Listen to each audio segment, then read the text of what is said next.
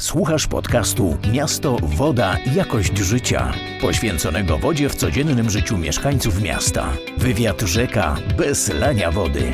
Zaprasza Michał Kudłacz i Krzysztof Kutek.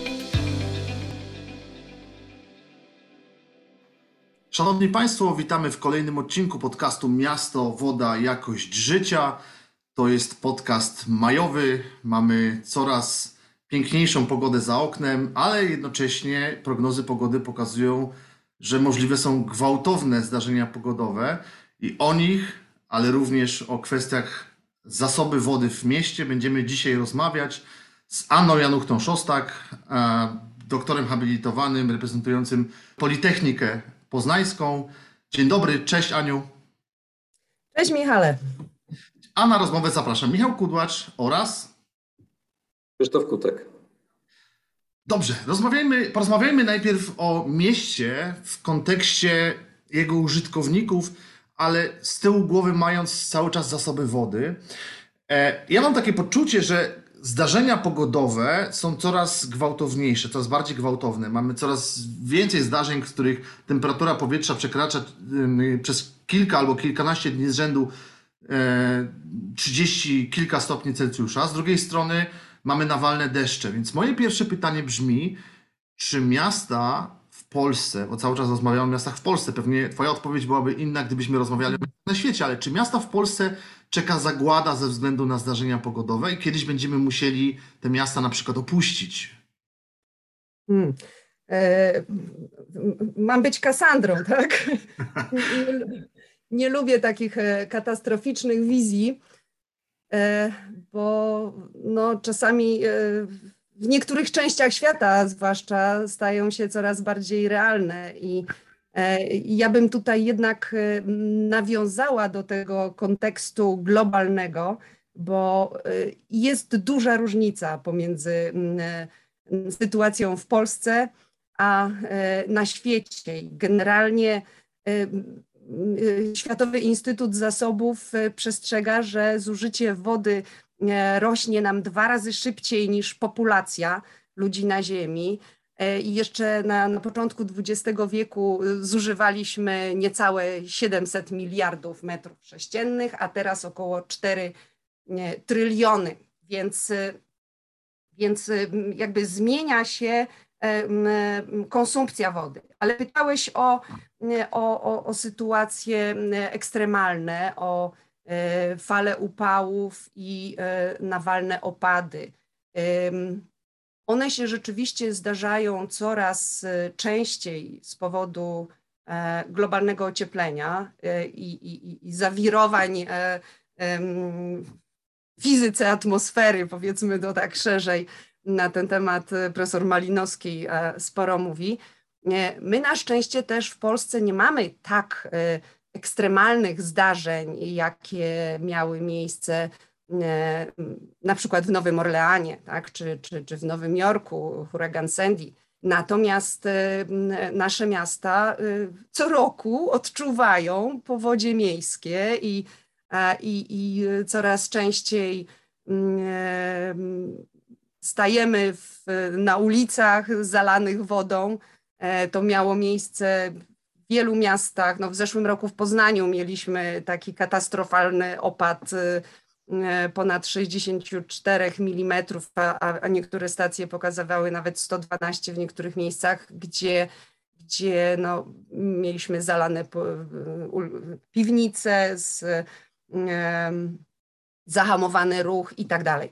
E, I, w coraz większej ilości miast takie zdarzenia pojawiają się nie raz na kilka lat, tylko kilka razy w roku.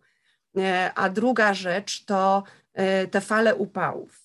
To jest taki cichy zabójca, bo o ile powodzie miejskie są przyczyną no, pewnych niedogodności komunikacyjnych i na pewno znaczących strat materialnych, o tyle w Polsce nie słyszałam o, o, o y, ofiarach śmiertelnych, powodzi y, takich y, podtopień, powiedzmy, bo, bo oczywiście zdarzały się e, katastrofalne powodzie rzeczne i, i, i również takie opadowe, na przykład na, na Krutyni w Gdańsku, ale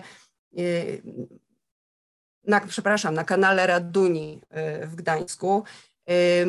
Natomiast fala upałów trwająca przez kilka czy kilkanaście dni, do tego wzmocniona nocami tropikalnymi, e, podczas których temperatura nie spada poniżej 20 stopni, w związku z tym też nie możemy mieć wytchnienia w nocy, powodują bardzo znaczący wzrost umieralności, zwłaszcza wśród seniorów, a nasze społeczeństwa europejskie starzeją się bardzo mocno. I tutaj mieliśmy już też takie dane statystyczne z 2003 2011 bodajże roku, y, w których, y, z których wynikało, że, że skutkiem fal upałów było kilkadziesiąt tysięcy nadmiarowych zgonów.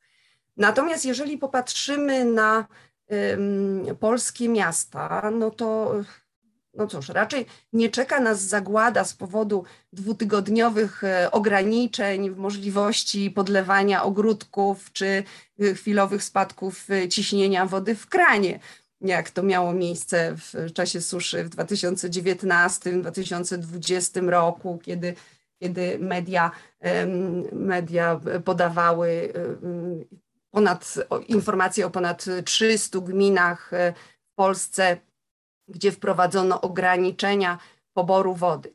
Y, to jest, to jest takie dosyć medialne, ale mm, no, wody w, raczej w polskich kranach nie zabraknie, bo nie, y, przede wszystkim 70% poboru pitnej wody w Polsce pochodzi z ujęć podziemnych, e, a tylko 30% powierzchniowych. Niektóre miasta, tak jak Poznań, mają zdywersyfikowane te źródła i, i pobierają zarówno z wód powierzchniowych, jak i podziemnych. Natomiast y, rezerwy wód podziemnych y, w Polsce mamy rzędu 80% y, zasobów dostępnych do, do zagospodarowania. Także w Polsce bym tutaj nie upatrywała takich katastrofalnych wizji, natomiast są miasta na świecie, które zmagają się z poważnymi kryzysami wodnymi. I tutaj mieliśmy w 2018 roku w Kapsztadzie, w 19 w Chennai w Indii, w Indiach takie sytuacje, gdzie po prostu wody brakowało i, i ludzie z tego powodu umierali. I, i, I nawet w takich y, rozwiniętych krajach, y, jak Stany Zjednoczone, czy, czy Australia, czy Izrael, są miasta, y, które są poważnie zagrożone niedoborem wody i, i w których nie tylko może spaść jakość życia, ale to życie może być zagrożone. Ja bym Natomiast... się na moment, tak. bo jakby ja tu widzę dwie kwestie, bo tak, z jednej strony mówimy o tym, że zmienia się klimat. I rzeczywiście jest tak, że w moim telefonie mogę znaleźć alerty RCB o nadchodzących, nadciągających burzach. I po raz pierwszy te, ja mam dużo tych alertów ze stycznia i lutego. Nigdy w styczniu i w lutym takich alertów nie otrzymywaliśmy. A nagle okazuje się, że coś się zmienia. W, no więc jeżeli w styczniu i w lutym jest dużo, pytanie brzmi, jak będzie wyglądał czerwiec i lipiec w, w tym roku. Więc z jednej strony mówimy o czymś, co jest jakimś rodzajem uwarunkowania, bo możemy dyskutować, na ile to człowiek spowodował, na ile nie, ale z drugiej strony, jeżeli my mówimy o nawalnych deszczach, to oczywiście, jeżeli mówimy o opadach rzędu 112 e, tam e, jednostek na, na metr kwadratowy, no to, no to żadna infrastruktura nie jest w stanie przyjąć takiej wody, ale ja mam takie poczucie, że te problemy miast związane z podtopieniami zaczynają się od złego prawa w zakresie planowania i zagospodarowania przestrzennego, zbyt liberalnego, które powoduje, że te miasta są nazbyt zabetonowane, one są kompletnie nieprzygotowane, nieprzystosowane do, e, do tego, co, co nadciąga e, i będzie w e, najbliższych latach się pewnie utrwalało. I pytanie brzmi, czy widzisz tutaj po pierwsze jakąś, jakieś remedium, no bo to nie jest pytanie czy, tylko jak bardzo jak jak, i, i kiedy możemy się do tego, jak możemy się do tego przygotować. Mhm. E, tak, bardzo dużo mówi się o, o, wzroście intensywności i częstotliwości tych ekstremów pogodowych, natomiast e, Problem jest w tym, jak my tą wodą gospodarujemy. Tak? I, I główny problem leży w zbyt szybkim odprowadzaniu tych zasobów wody deszczowej do kanalizacji, czyli działaniach z chmury do rury. A, a do tego jeszcze presja y, na wykorzystanie gruntów i, i brak świadomości, i brak też uwarunkowań prawnych, które by zmuszały nas do rozszczelniania czy, czy zatrzymywania wody deszczowej na miejscu opadu, sprawia, że po prostu wyciskamy nasze miasta jak gąbkę. Tak? To znaczy, jak mocno pada, to staramy się jak najszybciej E, tą wodę odprowadzić, e, a potem jęczymy, e, że mamy ograniczenia poboru wody w trakcie suszy i upałów. I tutaj myślę, że ten problem, mówiąc kolokwialnie, polskiej betonozy, która jest zilustrowana chociażby w książce Jana Mencfela, który pokazuje przykłady rewitalizacji polskich rynków, e, które zamieniono na, na betonowe patelnie. E, ten, ten problem e, mm, już pomału zauważam, jest dostrzegany i, a, i podejmowane są działania remediacyjne. I tutaj takie no już legendarne niemalże przykłady rynków w Skierniewicach, w Bartoszycach, czy no, rynek w Gostyniu, no bardzo wiele tych, tych rynków i placów zostało totalnie e, zabetonowanych. Mm, próbuje się podejmować e, działania e, odwrotne, to znaczy powtórnego zazieleniania. Tyle tylko, że no, to, są, to są czasami takie działania kosmetyczne, typu stawianie drzew w donicach, które też wymagają podlewania a e, cała woda niestety z rynku jest e, odprowadzana bezpośrednio e, do kanalizacji. I tutaj mamy duże wyzwanie związane z w ogóle zmianą polityki miejskiej w zakresie integracji działań w zarządzaniu wodą, zielenią i całą przestrzenią miejską, bo, bo każdy jakby gra do własnej bramki i działania e, związane z retencją wody e, są podejmowane przez, przez podmioty odpowiedzialne właśnie za, za gospodarowanie opadami i systemami kanalizacji i dostarczanie wody, natomiast nie są uwzględniane Y, przez architektów i urbanistów w każdej inwestycji. Y, nie wiem, czy tutaj e, mogę się jeszcze e, szerzej. To może, to może ja, bym, ja bym jeszcze coś zapytał y, i w tym temacie, ponieważ Aniu, ty w swoich książkach opisujesz, jak to wyglądała na przykład przestrzeń nadrzeczna kiedyś tam, jak to się zmieniało do dnia dzisiejszego. Teraz E, teraz wspominałaś o problemie związanym z, z planistyką, z podejściem architektów. E, w, pierwszym, w pierwszej części naszego podcastu rozmawialiśmy o tym, czy nam, czy nam grozi katastrofa i wiemy, że może ta katastrofa taka wielka nam nie grozi, ale ten problem z wodą w mieście jest i z zatrzymaniem i z odprowadzaniem tej wody. No i teraz jak to pogodzić? Jak podejść do kwestii zagospodarowania terenów miejskich y, tak, aby żyć w zgodzie z tym, co chcą inwestorzy, którzy chcą szybko zainwestować i jeszcze szybciej wyciągnąć zyski. Co, co y, miasto by chciało, y, czyli teoretycznie mieszkańcom przekazać ciekawe tereny, ale znowu najlepiej, żeby, żeby to było w miarę w rozsądnych pieniądzach, z, nie, z niedużym budżetem. I czy my jesteśmy w ogóle w stanie dzisiaj mieć takie remedium, które zepnie i kwestie biznesowe, i kwestie oczekiwań samorządu, no i na końcu niestety pewnie tego mieszkańca, który by chciał, chciał korzystać, a jeszcze równocześnie, żeby to nie było zabetonowane, tylko żeby to było funkcjonalne, no i może też ładne, przyjazne. Tak, dziękuję, że, że y, poruszyłeś ten ostatni, y, najbardziej chyba pomijany y, aspekt, czyli żeby to było ładne. Bo my jesteśmy w stanie wydawać jako samorządy całkiem duże pieniądze na multi, multimedialne fontanny na przykład, albo na, na przepięknie urządzone parki. Tyle tylko, że zupełnie nie przywiązujemy wagi do tego, żeby ładne były rozwiązania retencyjne.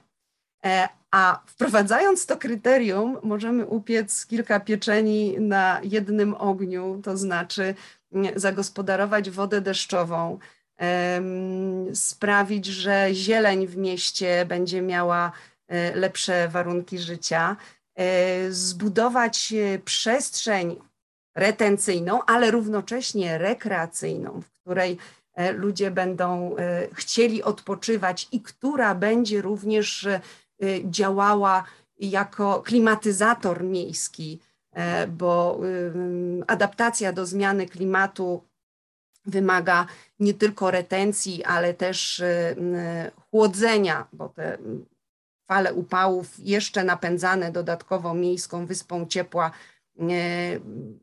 mogą być zredukowane właśnie przez e, wodę i zieleń e, w mieście. Teraz e, jak to zrobić? Musimy tutaj do tego podejść na, na kilku poziomach. Po pierwsze, na takim poziomie prewencyjnym, wdrażanym w obszarze całego miasta, na, na, na terenach prywatnych i publicznych, poprzez tworzenie standardów urbanistycznych, które będą uwzględniać e, poziom retencji e, dostosowany do, do, do wysokości opadów e, w danym regionie i zatrzymywanie, obowiązek zatrzymania określonej wysokości opadów na miejscu. I na przykład w Gdańsku to jest e, opad w wysokości 30 mm wtedy, kiedy jest podłączenie do y, systemu do odwodnieniowego, czyli jest możliwość jeszcze odprowadzenia tego nadmiaru. Natomiast jeżeli nie ma takiej możliwości, no to trzeba zgromadzić opad rzędu 60 mm. E, powierzchnia biologicznie czynna. To jest takie słowo klucz, e, e, który staje się wytrychem czasami, czyli deweloperzy starają się wycisnąć jak najwięcej pumu z inwestycji, czyli tej powierzchni użytkowej Y, redukując, y, redukując na przykład no, całkowicie y, powiązania terenu z gruntem przez na przykład tworzenie pod całą działką parkingu podziemnego. I okej, okay, my uzyskamy jakieś tam na przykład 30% powierzchni biologicznie czynnej na, na zielonych dachach, Tyle tylko, że ani kropla wody nie będzie miała możliwości przesiąkania do gruntu, E, ani też e, efektywność ekologiczna tych e, zielonych dachów nie zastąpi różnorodności biologicznej terenu naturalnego, porośniętego wysoką zielenią i, krzewami. Także tutaj brakuje nam takich wskaźników, które, które by wiązały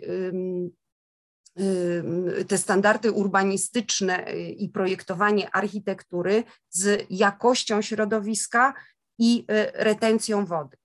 Y, no i na pewno bardzo istotnym, bardzo istotną kwestią jest podnoszenie świadomości zarówno mieszkańców i użytkowników przestrzeni miejskiej, projektantów, Y, tutaj robiliśmy też niedawno z moimi studentkami badania na temat y, tego, czy, czy projektanci i biura projektowe wdrażają rozwiązania e, retencyjne. E, I okazuje się, że 50% zaledwie podejmuje jakieś działania i to w większości są działania nastawione na taką szarą retencję, czyli e, w zbiornikach e, podziemnych, e, bo są ograniczenia, jeśli chodzi o, o podłączenie do sieci i możliwość odprowadzania. I robią to dlatego, że muszą, a nie dlatego, że mają świadomość konieczności zatrzymywania wody, czy też nie dlatego, że, że y, odczuwają jakąś presję inwestorów na, na to, żeby, żeby chociażby zgromadzić y, tańszą wodę deszczową do, do podlewania zieleni na działce. Także... Może ma, a mam takie pytanie, a nie myślisz, że może brakuje naszym projektantom odwagi, żeby proponować jakieś rozwiązania y, nieszablonowe i nietradycyjne, żeby iść do tego inwestora i powiedzieć, no możemy zrobić coś fajnego, coś, co będzie y, nowatorskie, coś, co powoduje, że zatrzymamy tę wodę, ale, ale, ale niestety będzie to 20% droższe. Y, to nie tylko nie musi być droższe, ale nawet może być tańsze. Tak, bo, bo ta zielona retencja jest y, kilkukrotnie tańsza od szarej. Natomiast Problem polega na tym, że te koszty związane z, często ze stratami e, na skutek powodzi miejskiej są ogólnomiejskie. One się rozkładają na nas wszystkich, a jak coś jest wszystkich, to jest niczyje. To znaczy nie odczuwamy tego tak bezpośrednio. E, I, i tutaj myślę, że przede wszystkim brakuje narzędzi ekonomicznych, które by e, motywa, motywowały inwestorów e, do gromadzenia e, wody deszczowej i doceniania zieleni na działce, bo to, to już zupełnie nie jest doceniane. No a z drugiej strony, jeśli chodzi o projektantów, to myślę, że nie tyle brakuje odwagi, co Brakuje sprawdzonych rozwiązań, bo projektanci często mają bardzo mało czasu na zrobienie projektu, e, złożenie go na czas, e, w związku z tym stosują e, rozwiązania standardowe, sprawdzone, skalkulowane. Mm, więc tutaj ta edukacja projektantów musi być związana z pokazywaniem dobrych praktyk i konkretnych wyliczeń. E, że można to zastosować, że mm, przekonania ich, że, że mm, mogą znaleźć też e, specjalistów do współpracy, e, bo to też to są projekty wielobranżowe. Architekt nie jest, nie zna się na wszystkim, natomiast no jest trochę takim dyrektorem, dyrygentem, który, który koordynuje mm, różne branże. I i przede wszystkim e, mm, zauważyłam też, że świadomość takich rozwiązań e, stosowanych w architekturze na świecie, ona się zwiększa wraz z pewnym doświadczeniem młodych projektantów w pracy za granicą, tam gdzie częściej takie, takie rozwiązania są stosowane.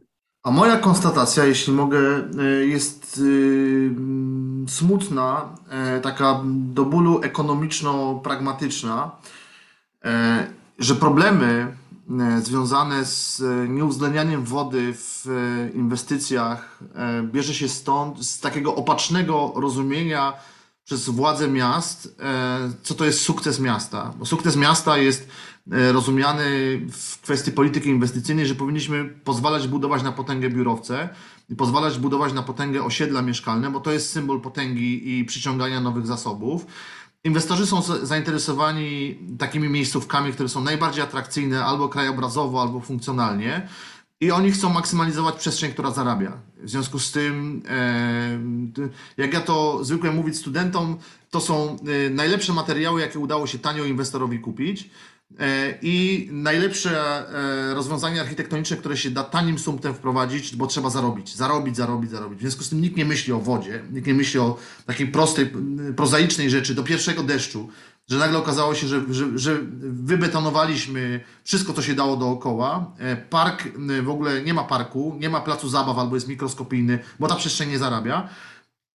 I multiplikowanie tych rozwiązań e, doprowadziło do sytuacji, w której przyszły poważne powodzie w zeszłym roku, to nagle wszyscy się obudzili i pomyśleli, że jednak doprowadziliśmy do sytuacji, w której ta woda nie ma gdzie uciekać. Nawet nie musi to być ogromny e, nawalny deszcz. I teraz zastanawiam się, jaką rolę powinny odgrywać biura architektoniczne, jaką rolę powinni odgrywać mieszkańcy, czy oni są świadomi w ogóle e, takich zagrożeń. Oni tego nie muszą wiedzieć tak naprawdę. E, I czy to nie jest tak, że tak naprawdę rządzą inwestorzy, deweloperzy, którzy budują i my się musimy do tego dostosowywać? E, dobre pytanie, Michale. Ja też się nad tym zastanawiam, e, jak to pogodzić i jakie narzędzia wprowadzić, żeby to dobro wspólne było uwzględniane w kalkulacji ekonomicznej indywidualnych inwestycji. Przepraszam, że ci wejdę słowo, bo to w sumie jest proste. Narzędziowo to jest proste. To znaczy, w momencie, w którym ktoś składa e, wniosek o, o wydanie wz to powinno się uwzględniać. Tak jak się to normalnie robi. Masz wybudować, jeśli chcesz wybudować osiedle, masz wybudować lewoskręt, masz wybudować szeroki chodnik, masz wybudować, i to jest lista e, żądań, które miasto może przedstawić deweloperowi, co musisz zrobić, żeby wolno było ci postawić tę inwestycję, ale miasta się boją tutaj przeginać, mówiąc brzydko, bo boją się, że inwestor wtedy może zrezygnować, a jak zrezygnuje, to to będzie odbierane jako e, porażka. I miasta są bardzo tutaj niewymagające, jeśli chodzi o to, co się powinno dziać, ale jeżeli można składać wniosek o lewoskręt, o miejsca parkingowe ogólnodostępne i o różne inne rzeczy, no to równie dobrze można składać wnioski o ilość terenów zielonych, które powinny być przy e, takim osiedlu, albo o rodzaj podłoża, który musi uwzględniać zmiany klimatu, od których zaczęliśmy naszą dzisiejszą rozmowę. Ale miasta tego nie robią. Tak, albo o y, wymaganą pojemność retencyjną e, danego terenu. Tak? Tyle tylko, że miejskie przedsiębiorstwa wodociągów i kanalizacji, no, jeżeli jest kolektor, to mają obowiązek odbierać. One mogą stawiać tylko pewne ograniczenia, natomiast nie mamy możliwości narzucenia e, inwestorom, jeżeli jest kanalizacja i warunki techniczne na, nas obligują do, wręcz do odprowadzania wody do systemów kanalizacji, jeżeli takowe istnieją, no to, to nie mają podstawy prawnej do tego, żeby, żeby odmówić. E, I w Poznaniu są ograniczenia narzucane na przykład do, do, do możliwość odprowadzenia zaledwie 10% odpływu e, rocznego, bo po prostu niektóre odcinki sieci są e, bardzo mocno przeciążone. I wtedy rzeczywiście udaje się e, wprowadzić rozwiązania retencyjne w budynkach. Tyle tylko, że nie ma też wymogu, żeby to była tak zwana zielona retencja. I, I, bardzo często to są po prostu y, zbiorniki podziemne mm, pod rampami zjazdowymi. Proszę wyjaśnij naszym słuchaczom, czym jest zielona retencja, ponieważ nie wszyscy muszą to wiedzieć. Dobrze, jeżeli, jeżeli mówimy o, o retencji, to chodzi generalnie o mm, zatrzymanie wody na danym terenie. I, I tutaj um, często pojawia się takie pojęcie właśnie szarej retencji, i to, jest, to są te wszystkie rozwiązania techniczne w postaci e, zbiorników podziemnych, rur drenarskich, systemów rozsączających, e, a nawet no, zbiorników powierzchniowych, ale takich e, wybetonowanych. Natomiast ta zielona retencja to jest po pierwsze e, retencja E, powierzchniowa i związana też ze zdolnościami akumulacji wody przez roślinność. E, patrząc na, na, na rośliny, na drzewa, no często nie zdajemy sobie sprawy, że to jest e, zielona woda ukryta w biomasie, która no, jedno takie drzewo jest w stanie, duże drzewo za, zatrzymać nawet do 400 litrów wody w obrębie korony. E, do tego jeszcze e, zatrzymuje tą wodę w bryle korzeniowej, korzysta potem z, z, z tych zgromadzonych w gruncie zasobów i odparowując wodę, z kolei nam schładza powietrze w mieście.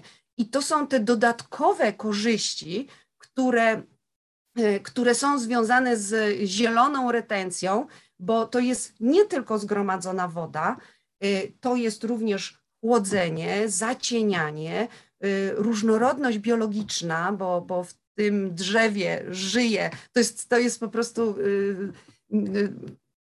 mały mikrokosmos, czyli, czyli taki ekosystem, który daje miejsca siedliskowe różnym zwierzętom i, i, i roślinom. To jest też piękno, o którym wspomniałeś. I, i myślę, że tutaj jest bardzo dużo do, do, do zrobienia, y, również w zakresie planowania przestrzennego, żebyśmy nauczyli się i, i, mieli możliwość i narzędzia lepszej ochrony terenów zieleni, ochrony przed presją deweloperską, no, zwłaszcza, zwłaszcza takich terenów seminaturalnych, e, a, a w szczególności mokradeł, bo, bo tutaj do tego, jak, jak zdążymy, to jeszcze wrócę. E, natomiast te... Jedną rzecz. E, w takim razie trzymaj swoją myśl, proszę.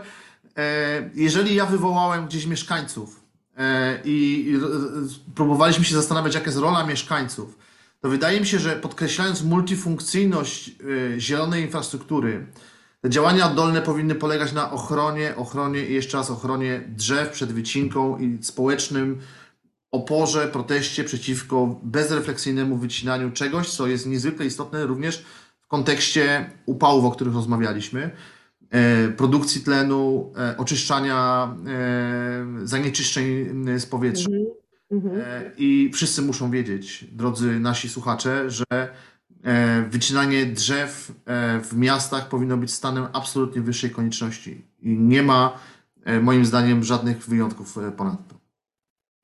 Ja, się, ja, ja, bym się jeszcze odniósł do, do, do, tego, co Michał wcześniej powiedział, co nie powiedziałaś, bo mówiliśmy o presji deweloperskiej, żeby zabudować wszystko. Ale wydaje mi się, że to, że to nie jest tylko presja deweloperska, ponieważ jest też presja kupującego. Oddając większe tereny y, dla zieleni, to jednak cena tego mieszkania, tego biurowca idzie w górę, bo sprzedajemy mniej. Musimy oddać teren, który nie został wykorzystany. I ta edukacja powinna być y, też wśród tych kupujących, którzy powinni wręcz żądać od deweloperów, że wszystko fajnie, kupujemy od Was mieszkanie, ale no, ta cena powinna być raz, że adekwatna, dwa, komfort życia y, i kwestie zrównoważonego rozwoju powinien być równie ważny jak, jak to mieszkanie, które, które jest betonowe. Tak, i tutaj możemy sięgnąć do, do piramidy potrzeb Maslowa, tak?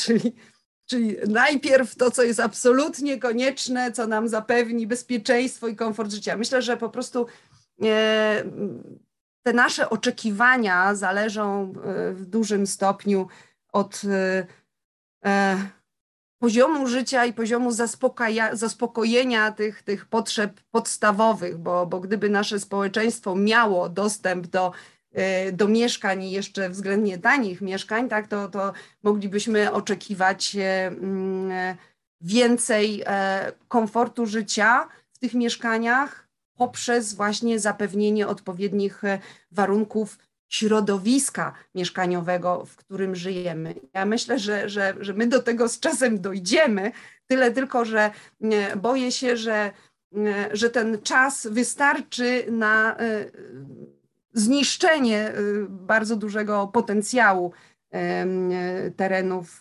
zieleni, które mamy w naszych miastach jeszcze.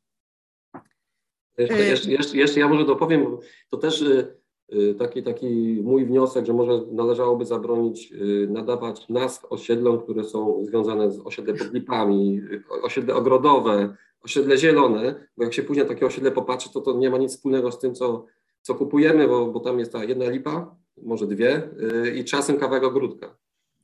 Tak, i to jest, to jest ten greenwashing, tak?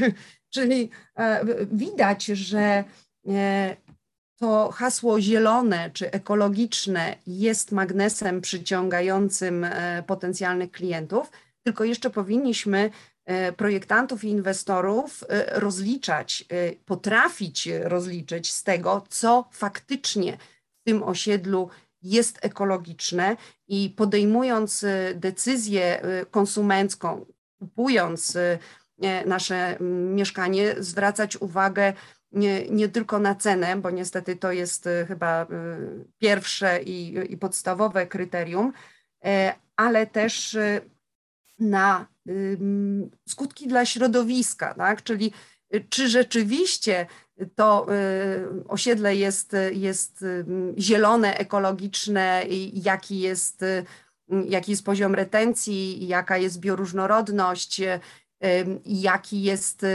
ślad węglowy zarówno użytych materiałów, jak i technologii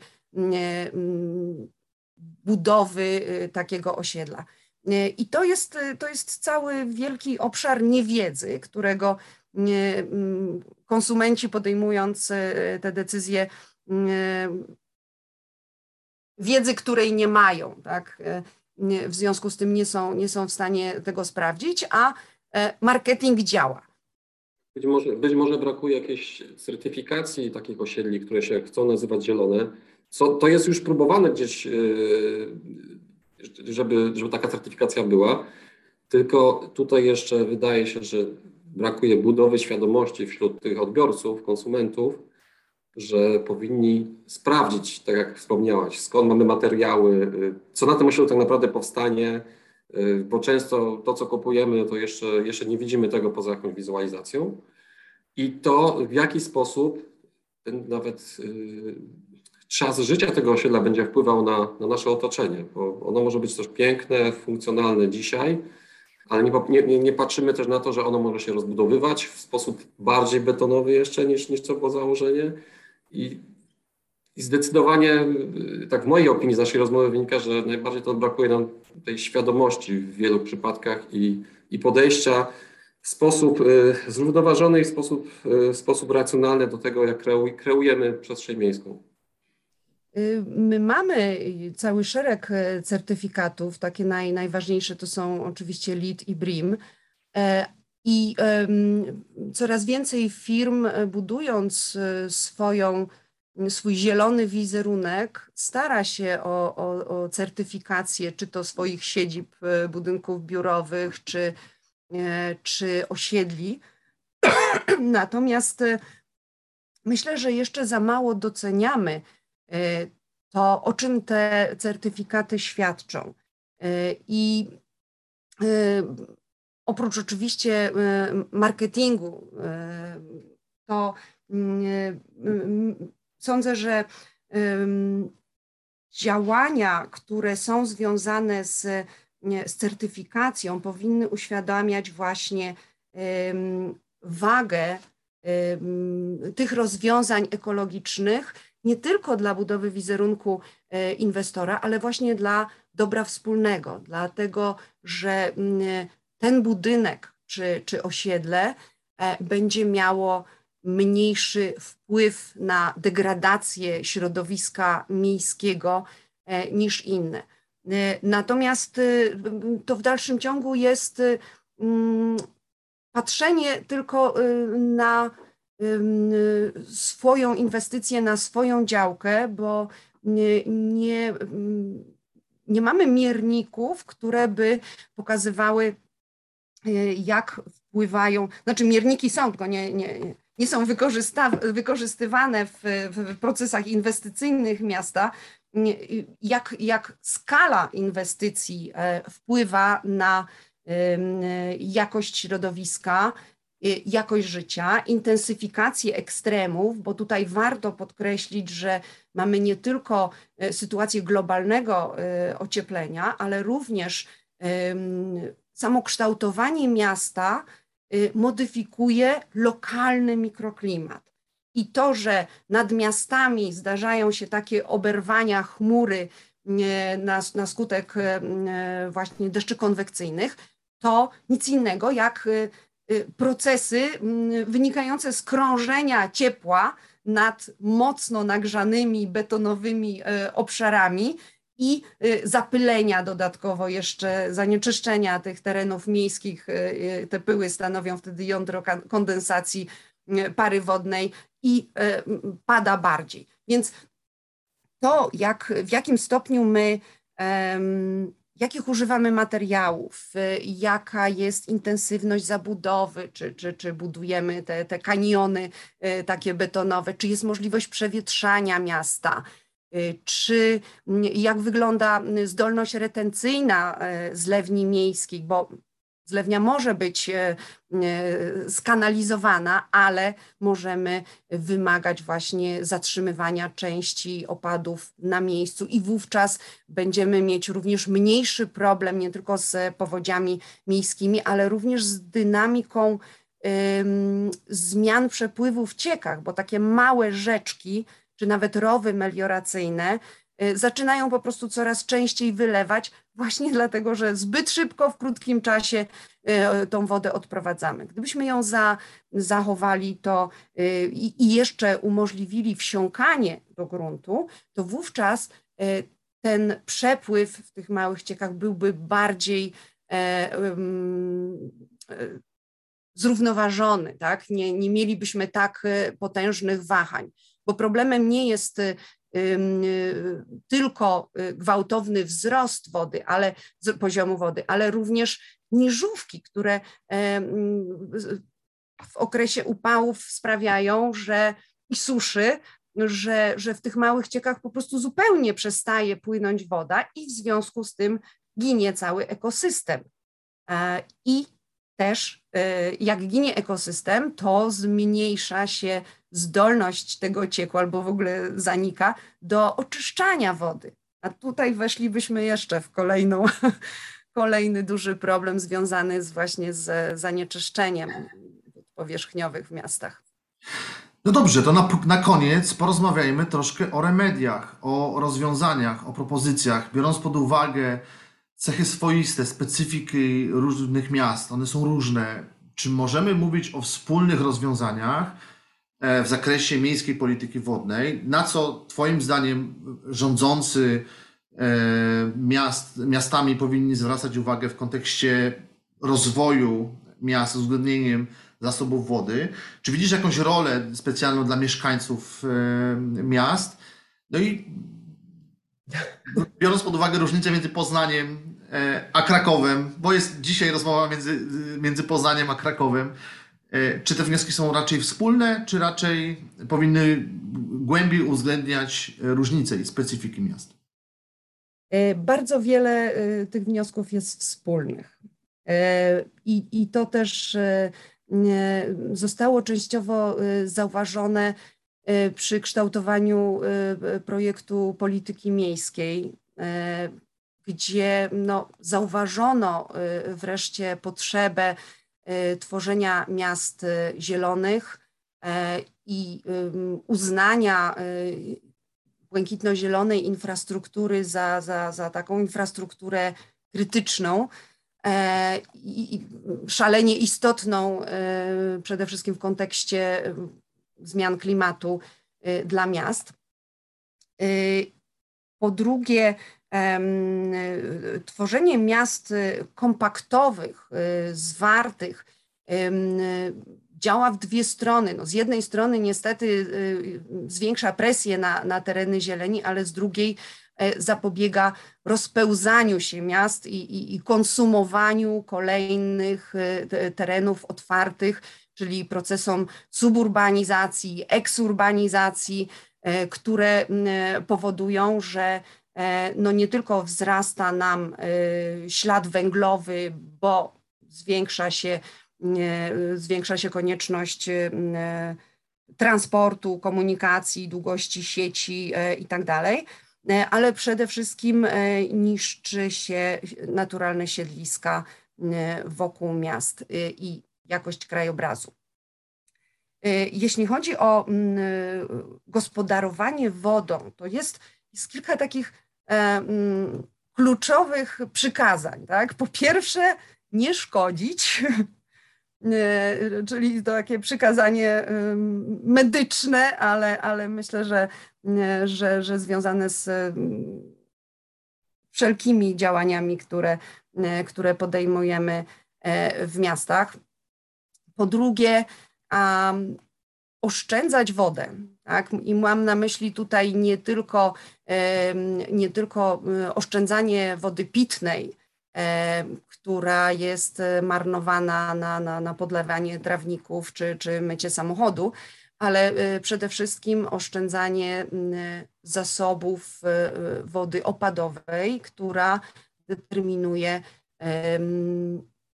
również odnawialność zasobów wód podziemnych, od których e, nasze miasta e, zależą. Czyli nie spuszczać jej z chmury do rury, e, tylko pozwolić jej pozostać w miejscu opadu jak najdłużej, wsiąkać w grunt, zasilać wody gruntowe i poprawiać również warunki wegetacyjne zieleni miejskiej, bo, bo, bo nawet jeżeli będziemy ją chronić, to, to, a nie dostarczymy jej zasobów wody, to na niewiele się to zda. Czyli retencja. Dbać o jakość wody. Ja już troszeczkę wspomniałam y, o, o, tej jakości. To jest, y, to jest ogromny temat y, związany nie tylko z, ze świadomością korzystania z urządzeń sanitarnych i, i problemów z różnymi nowymi rodzajami zanieczyszczeń, które pojawiają się w naszych wodach powierzchniowych, a przenikają również do do wód podziemnych, e, ale też ale mm, w kontekście właśnie dbania o, o cieki, o wody powierzchniowe, musimy e, zwiększać y, poczucie współodpowiedzialności.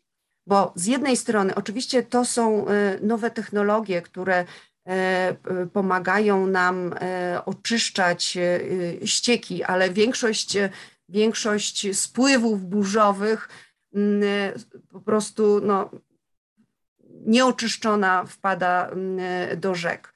I tutaj y, mamy e, konsekwencje w postaci, w postaci rozprzestrzeniania się tych zanieczyszczonych y, zawiesin e, na wielu kilometrach w dół rzeki.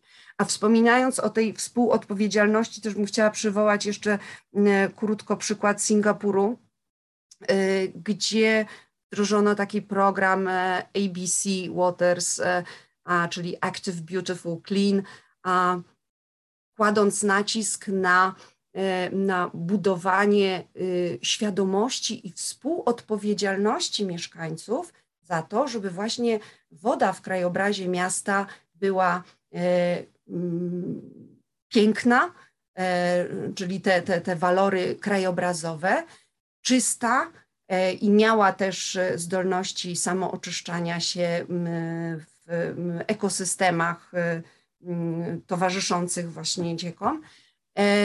I zaktywizowana, czyli, czyli funkcje rekreacyjne, turystyczne, są w tej chwili bardzo ważnym magnesem, przyciągającym, ale też motywującym e, ludzi do tego, żeby, żeby dbać o, o wody powierzchniowe. E, wracając natomiast do, do Twojego pytania, bo, bo przepraszam, ja się tutaj w, e, czasami zapędzam w różne dywagacje. Pytałeś ciekawe. O, o, o te porównania. Ja może nie będę od, od, odnosić się za mocno do Krakowa, bo y, myślę, że, ty y, pochwalisz Kraków za, za różne inwestycje. Natomiast y, mm, dla mnie takim pionierem e, działań prowodnych e, jest Bydgoszcz.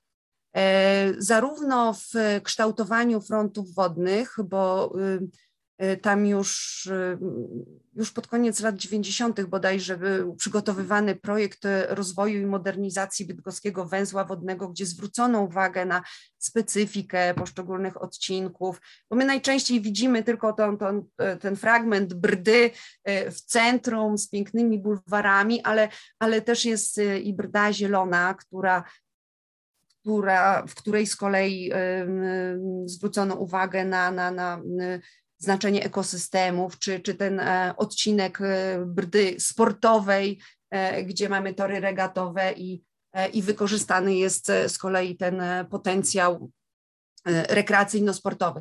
ale nie tylko, bo Bydgoszcz też mm, przecierała szlaki w zakresie gospodarowania opadami. Oni zaczęli od inwentaryzacji systemów systemów kanalizacji podziemnej, opracowali modele e, opadów lokalnych i modele hydrodynamiczne dla zlewni, żeby zobaczyć, jak to się będzie zmieniać e, i które obszary są e, zagrożone, po to, żeby dostosować systemy odwodnienia do oczekiwanych przeciążeń. W odpowiednich miejscach budować zbiorniki retencyjne czy przekierowywać spływy do mniej obciążonych y, fragmentów, no i modernizować je z wykorzystaniem y, rozwiązań bliskich naturze. Nie wiem, na ile to się udało wdrożyć, bo, bo pies pogrzebany jest oczywiście w szczegółach. Podziwiam też Wrocław za kształtowanie nadrzecznych przestrzeni, wykorzystanie tej szansy odbudowy po powodzi dla y, zmiany nabrzeży w sposób, który y, jest bardziej przyjazny mieszkańcom, no bo niestety Odra y, w centrum jest mocno uregulowana, przystosowana do żeglugi i do ochrony przeciwpowodziowej i nie do końca była przyjazna mieszkańcom. No i Wrocław też bardzo mocno działa w zakresie zazieleniania miasta. Cały program Grow Green, czy też tworzenie struktur zieleni y, w, studium e, e, Wrocławia i tych małych projektów, takich parków kieszonkowych, to wszystko składa się właśnie na, na tą małą retencję. Y, w Gdańsku z kolei bardzo mi się podoba współpraca między miastem a gdańskimi wodami. To jest jeden z takich elementów, które chciałabym tutaj podkreślić jako, y, jako taki przykład zintegrowanego podejścia do y, zarządzania przestrzenią, wodą i środowiskiem, bo y, to jest nie tylko y, realizacja zbiorników retencyjnych, takich większych, które zapewniają zapewniają po prostu bezpieczeństwo tego systemu, ale też y, zielona infrastruktura, te słynne już y, gdańskie ogrody deszczowe na wielu osiedlach, y, parki retencyjne, niecki infiltracyjne. To, jest, to są właśnie te działania, które sprawiają, że retencja jest łączona z kształtowaniem środowiska zamieszkania. No i na koniec jeszcze chciałabym parę słów powiedzieć o Poznaniu, bo e, Poznań ma oczywiście na koncie e, całą masę grzechów przeciw wodzie, ale ma też ogromny potencjał i to jest e, te poznańskie kliny zieleni zbudowane na naciekach, na Warcie, Cybinie, Bogdance, Strumieniu Junikowskim. To jest coś, co, co Kraków chciał też budować w, w tym systemie parków rzecznych, co nie do końca się udało. U nas e, e, na szczęście profesor Czarnecki i Adam Wodziczko wprowadzili to do systemu planowania przestrzennego jeszcze w latach 30.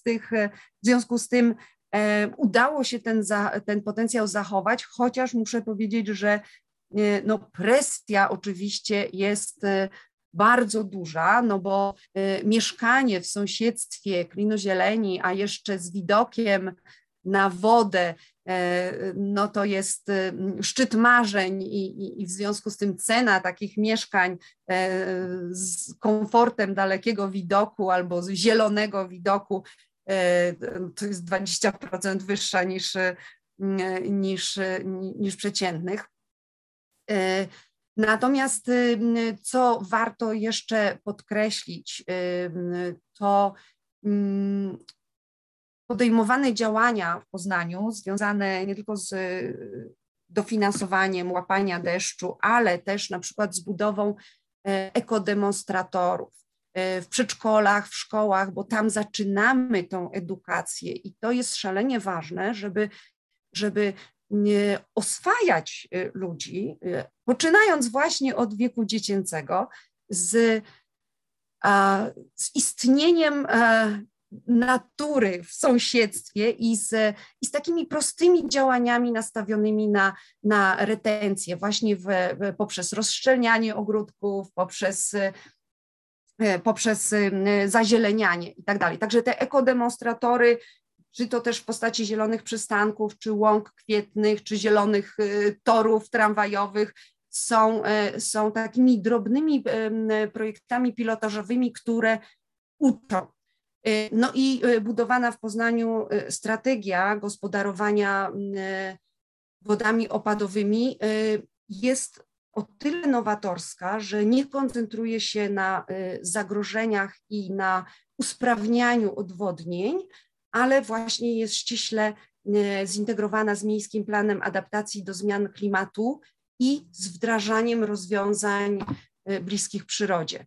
Także mm, mam nadzieję, że uda się tą strategię opracować i wdrażać i że będzie, będzie rzeczywiście taka, taka pionierska. Profesor Anna Januchta-Szostak, Politechnika Poznańska. Bardzo dziękujemy za ciekawą rozmowę, Aniu. To jest podcast Miasto, Woda, Jakość Życia, a dzisiejszą rozmowę przeprowadzili tak i Michał Kudłacz. Bardzo dziękujemy. Dziękuję Wam bardzo. Do zobaczenia na kongresie. Tak jest. Słuchasz podcastu Miasto, Woda, Jakość Życia, poświęconego wodzie w codziennym życiu mieszkańców miasta. Zapraszamy do śledzenia kanału podcastowego Open Eyes Economy.